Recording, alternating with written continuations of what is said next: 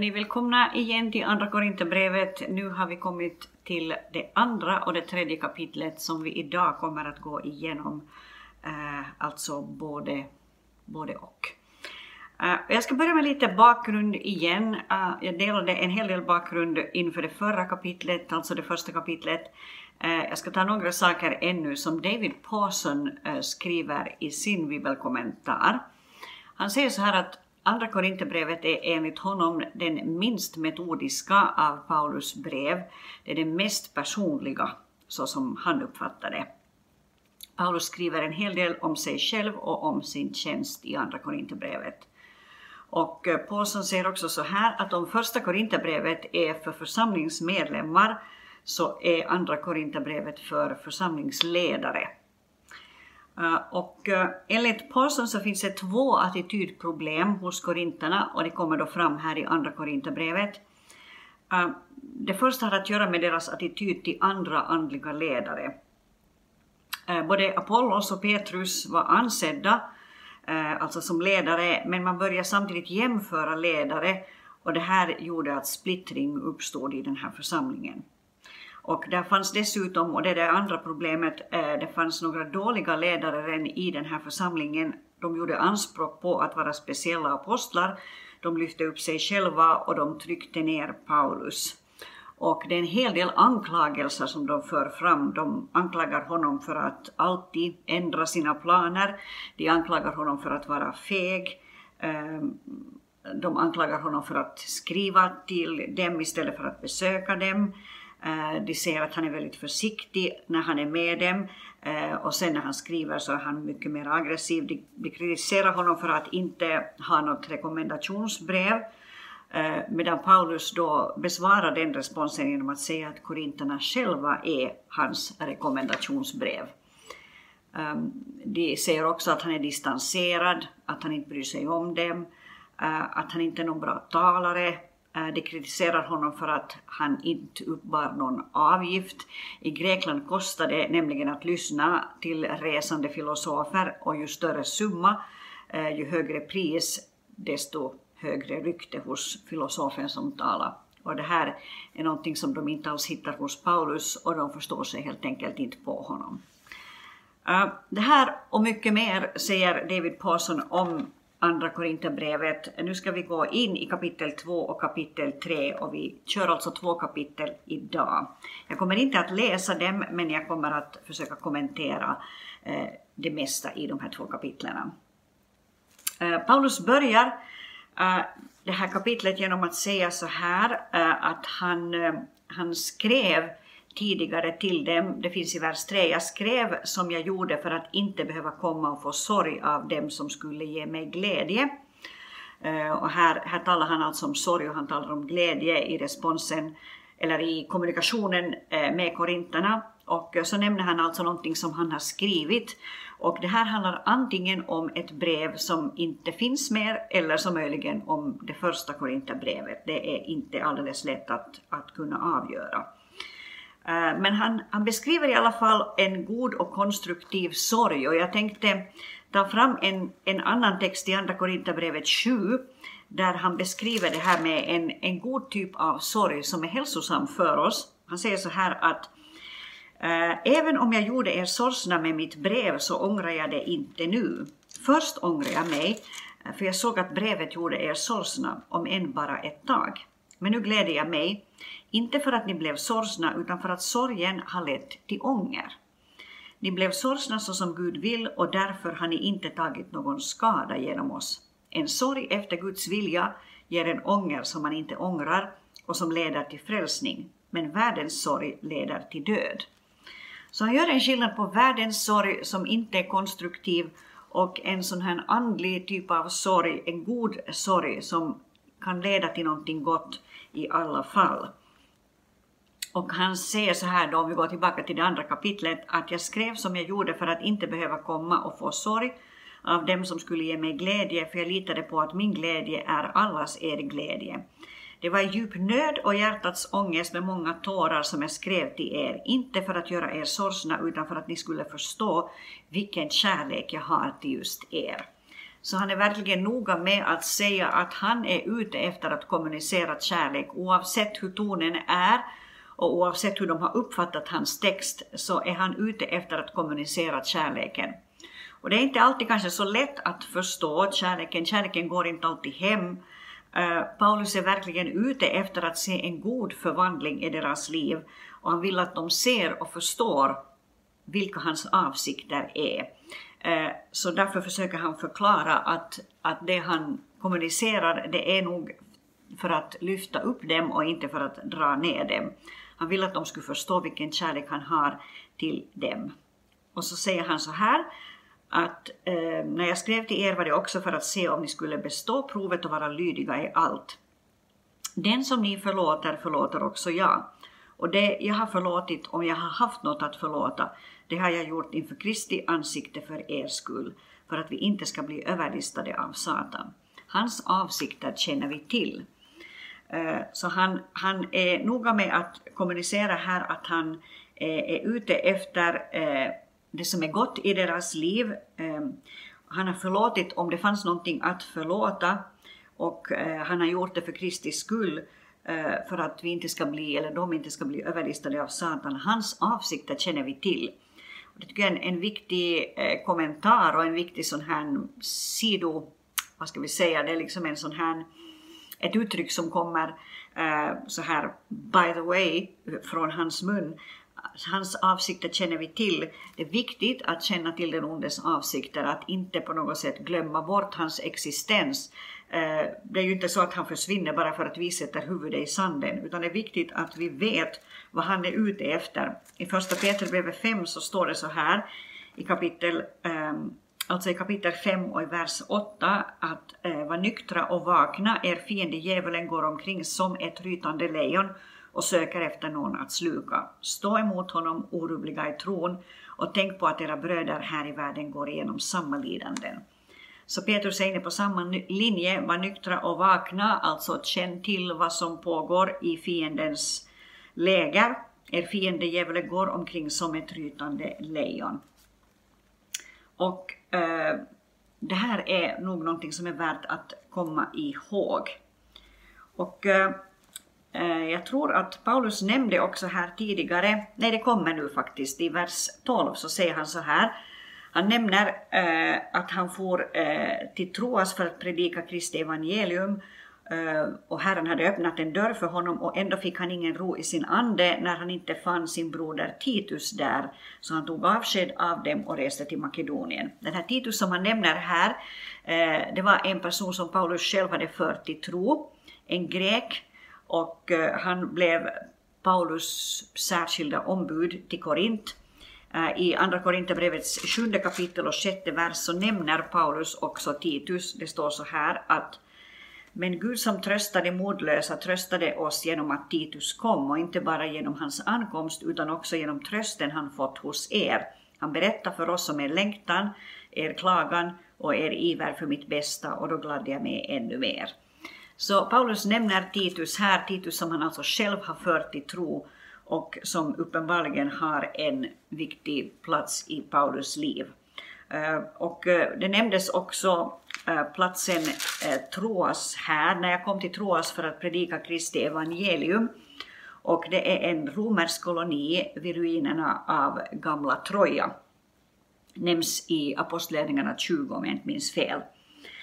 Eh, så Paulus säger alltså här att Herren hade öppnat en dörr för honom och eh, ändå så fick han ingen ro i sin ande utan reste vidare till Makedonien. Och så säger han, men vi tackar Gud som ständigt för oss fram i Guds, förlåt, i Kristi segertåg och sprider sin kunskapsdoft genom oss överallt. Vi är en Kristi väldoft inför Gud bland dem som blir frälsta och bland dem som går förlorade. För några en doft av död till död, för andra en doft av liv till liv. Vem räcker till för, det, eh, för detta? Så han, han säger att han är, eller att det är en Kristusdoft. Uh, och att uh, Gud genom Paulus um, sprider sin Kristusdoft och oavsett var de går så får de gå i Kristi segertåg.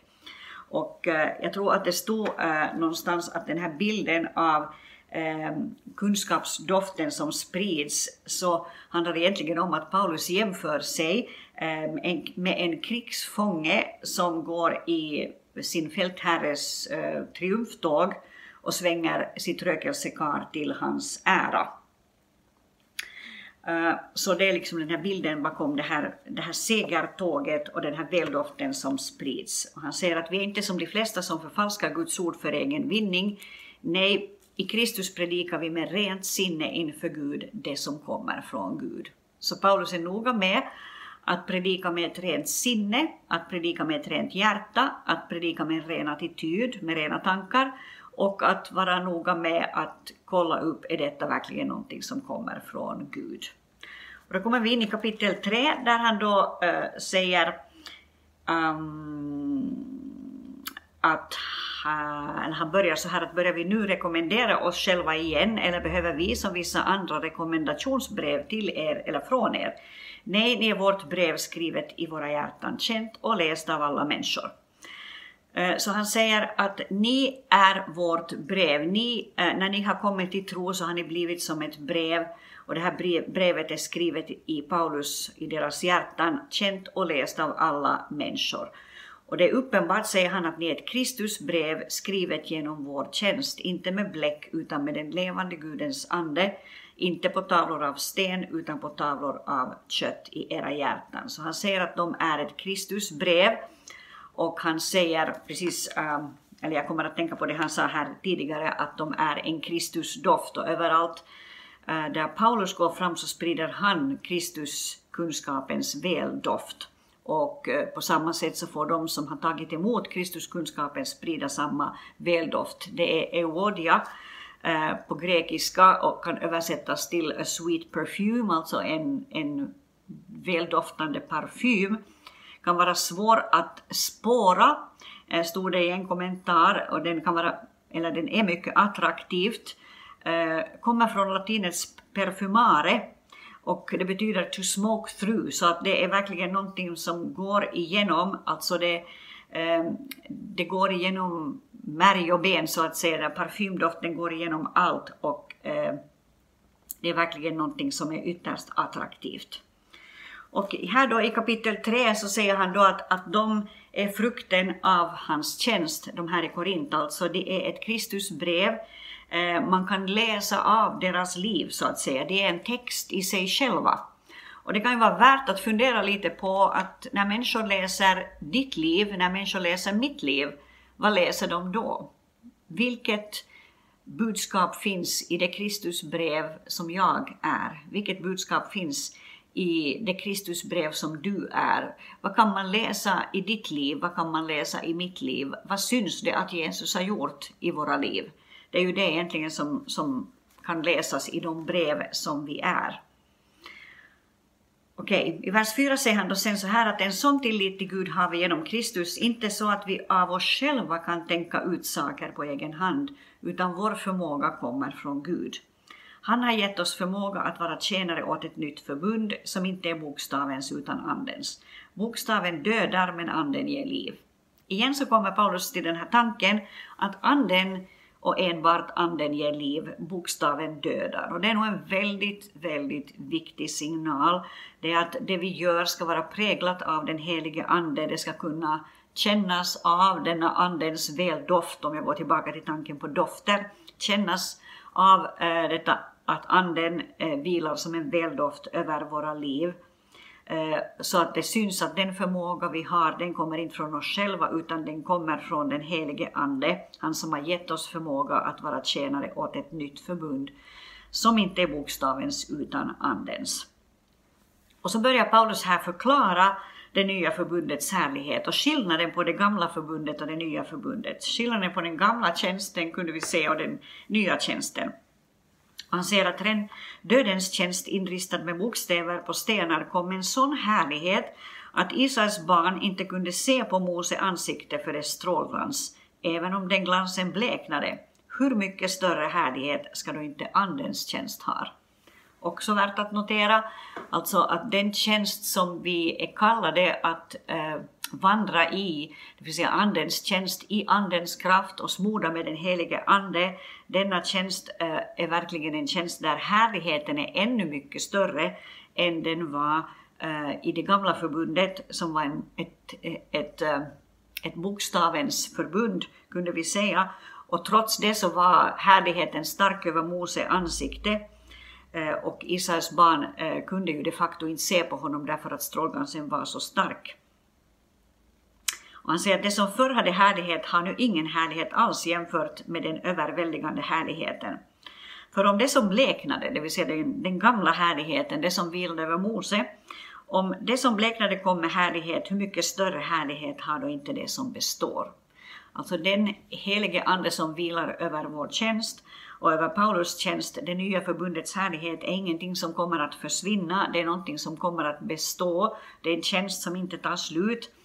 Och eh, därför så, eh, så kan vi bara föreställa oss och, eh, och liksom glädjas över den härlighet som vilar över denna icke försvinnande tjänst. Och så säger han att vi går helt öppet tillväga, vi, går inte, eller vi gör inte som Mose som satte en slöja för sitt ansikte för att Israels barn inte skulle se hur det som bleknade försvann. Men deras sinnen blev förhärdade, säger han. Och han säger att ännu i denna dag så är en slöja kvar när de läser gamla förbundets skrifter och den lyfts inte bort. Först i Kristus lyfts den bort. Så när Kristus förkunnas och när ordet om Jesus går in i en människas liv, då händer någonting med de andliga ögonen. Då tas slöjan bort och då ser vi vem Jesus är, vad han har gjort och den helige Andes kraft som vilar över Jesu tjänst och som vilar över evangeliet. Men så säger han att när någon omvänder sig till Herren tas slöjan bort och Herren är anden och där Herrens ande är, där är frihet. Så varje gång någon omvänder sig till Herren så tas den här slöjan bort och den människan kan få se Guds härlighet uh, i, i, hur ska vi säga, utan, without hindrance, utan någonting som hindrar. Och han säger att alla vi som med obeslöjat ansikte ser Herrens härlighet som i en spegel, vi förvandlas till en och samma bild från härlighet till härlighet. Det sker genom Herren, Anden. Så vi som med obeslöjat ansikte, det finns ingen slöja hos den som eh, vandrar med Jesus, som har fått se Herrens härlighet, ta emot evangeliet. Där finns ingen slöja. Eh, och istället så finns där en en kallelse till att förvandlas till en och samma bild, till Kristi avbild, från härlighet till härlighet. Det ligger en stor kallelse över våra liv att vi ska bli mer och mer som Jesus och allt detta sker inte genom oss själva, säger Paulus, utan det sker genom Herren, Anden.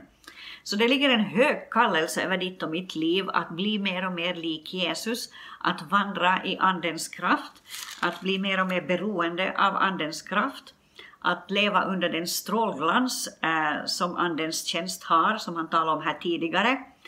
Och eh, det gör att vi är som väldoftande rökelse eh, i det här segertåget, eh, Kristi segertåg där vi går fram. Så det är ingen dålig analys alls på vad det innebär att vara kristen. Eh, Paulus är stolt över detta och även om han sitter fängslad för sin tro ibland och även om han går igenom svåra förhållanden ibland så vinner ändå den här tanken hos honom eller den här segervissheten hos honom att han lever under Kristi härlighet. Och därför börjar han också nästa kapitel som vi inte ska kolla med, eller som vi inte ska titta på nu, men han säger så här att, att därför när vi genom Guds barmhärtighet har denna tjänst så ger vi inte upp. Alltså det han ser i denna tjänst i den heliga Andes kraft stimulerar och motiverar honom att fortsätta. Mera om detta om en vecka. Då tittar vi på kapitel 4 och kapitel 5. Allt gott tills dess.